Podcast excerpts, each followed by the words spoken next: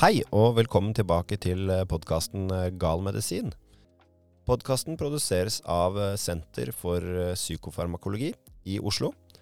Og jeg heter Erik Sveberg Ditrix.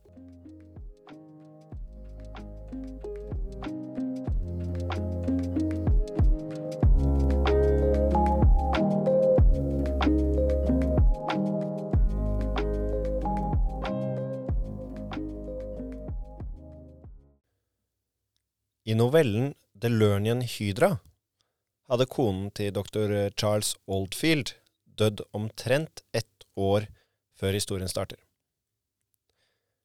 Novellen er en klassisk Agatha Christie-historie som har hentet sitt navn fra et eh, sjømonster i gresk og romersk mytologi.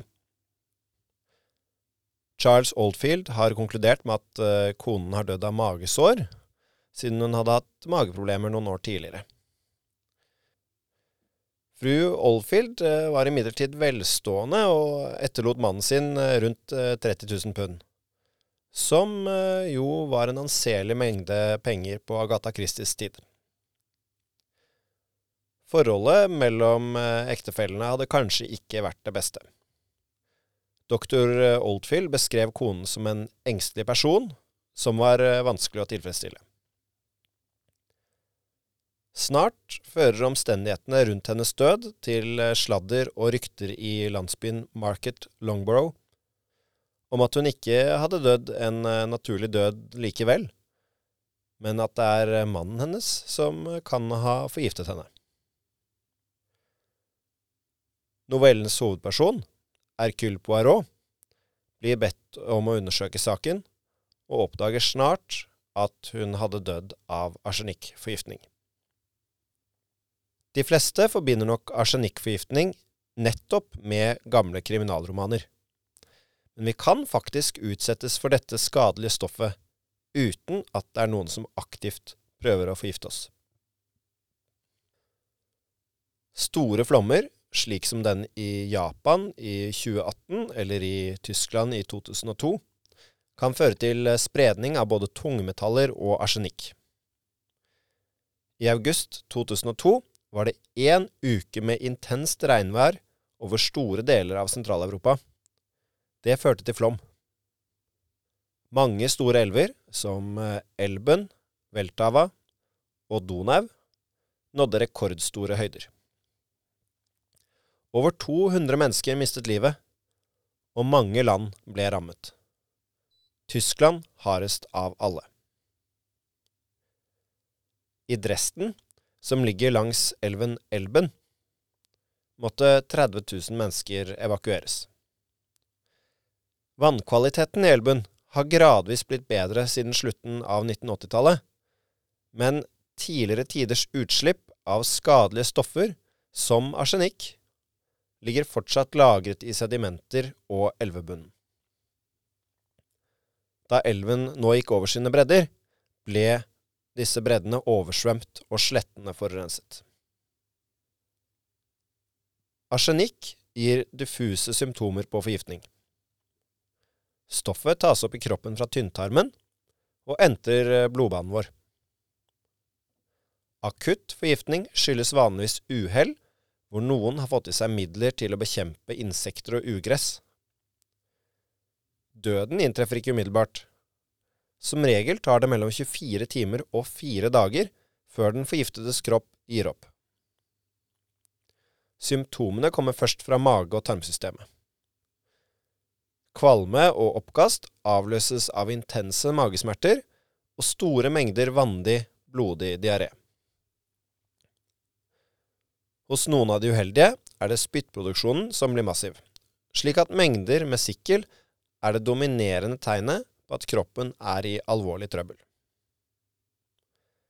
Det er også dette enorme tapet av væske fra kroppen som blir fatalt.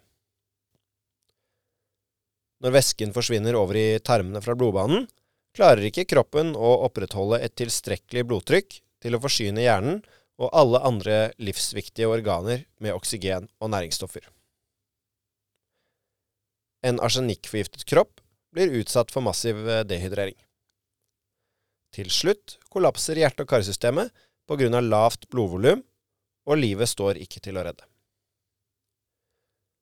Akutt arsenikkforgiftning krever gjerne at du har fått i deg mer enn 100 milligram av det farlige stoffet. Heldigvis er det sjelden man får i seg slike mengder og blir akutt syk. Langvarig eksponering for arsenikk er vanligere. F.eks. etter en flomkatastrofe, der du over lengre tid får i deg mat som inneholder litt arsenikk. I stedet for å forårsake raskt og voldsomt tap av væske, så akkumuleres arsenikk i store deler av kroppen og vil kunne gi en kronisk arsenikkforgiftning. Lever, nyrer, hjerte og lunger er utsatt. Men stoffet påvirker nesten alle kroppens organer. Symptomene er innledningsvis veldig vage. Du mistenker nok aldri arsenikkforgiftning om halsen er litt sår, magen vond eller avføringen løs. Med god grunn. Ufarlige virus er langt oftere årsaken bak slike plager. Først når du får hudforandringer, så vil legen kanskje fatte mistanke. Under føttene så vil huden tyknes og bli ru og hard. Ledsaget av pigmentforandringer i huden er denne fortykkete huden altså tegn på arsenikkforgiftning. Arsenikkskapte hudforandringer trenger ikke bare være et symptom, men kan i seg selv være en alvorlig sykdom som kan oppstå mange år etter at forgiftningen ble påført kroppen. Opptil 60 eh, år etter å ha arbeidet med å beskytte sine Riesling, Chardonnay og Malbec-druer fra angripende insekter, sopp og andre trusler, har vinbønder selv blitt et offer for arsenikken de brukte som plantevernmiddel. Stoffet, som sikret avlingenes overlevelse, har forårsaket hudkreft hos bønder som har jobbet hardt for å foredle druer til vin. Huden er ikke alene om å rammes. En eh, vinbondes hjerte var midt på 1900-tallet også truet når kroppen ble eksponert for eh, sprøytemidler med arsenikk.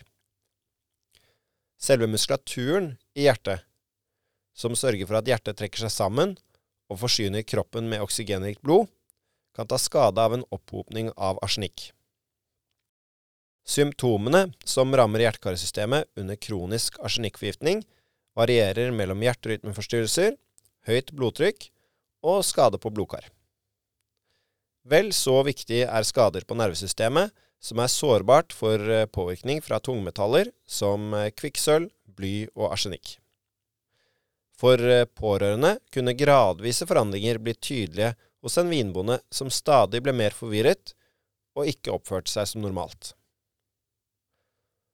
Om årsaken til personlighetsforandringen er arsenikkforgiftning, kan utviklingen snus om kilden fjernes før skaden er blitt for alvorlig.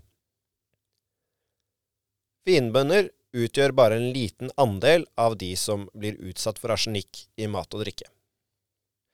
I Norge er det fisk og sjømat som gir oss mest arsenikk gjennom maten, men det dreier seg heldigvis om former av stoffet som stort sett er ufarlige. Dessuten har vi trygt drikkevann. Slik er det ikke overalt på jorden.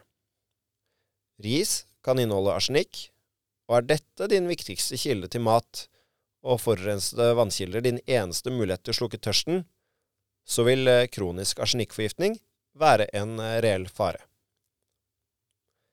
Derfor er innbyggerne i mange asiatiske land utsatt. Trenger du et mellommåltid fra kiosken på jernbanestasjonen i Kyoto, så er det ikke grillpølse eller trekantsmørbrød som blir tilbudt.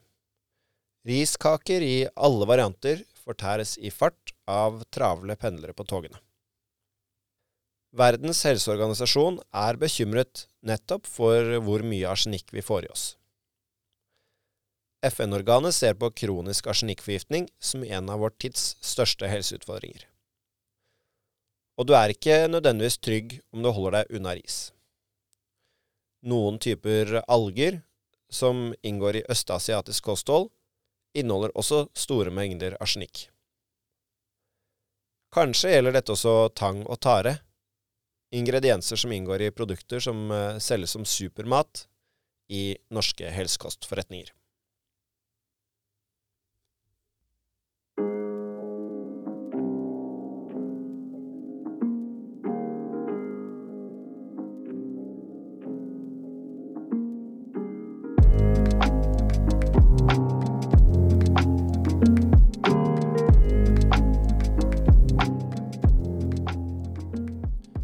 Du har nå hørt en episode av podkasten Gal medisin, som er produsert av Senter for psykofarmakli ved Diakonhjemmet sykehus i Oslo.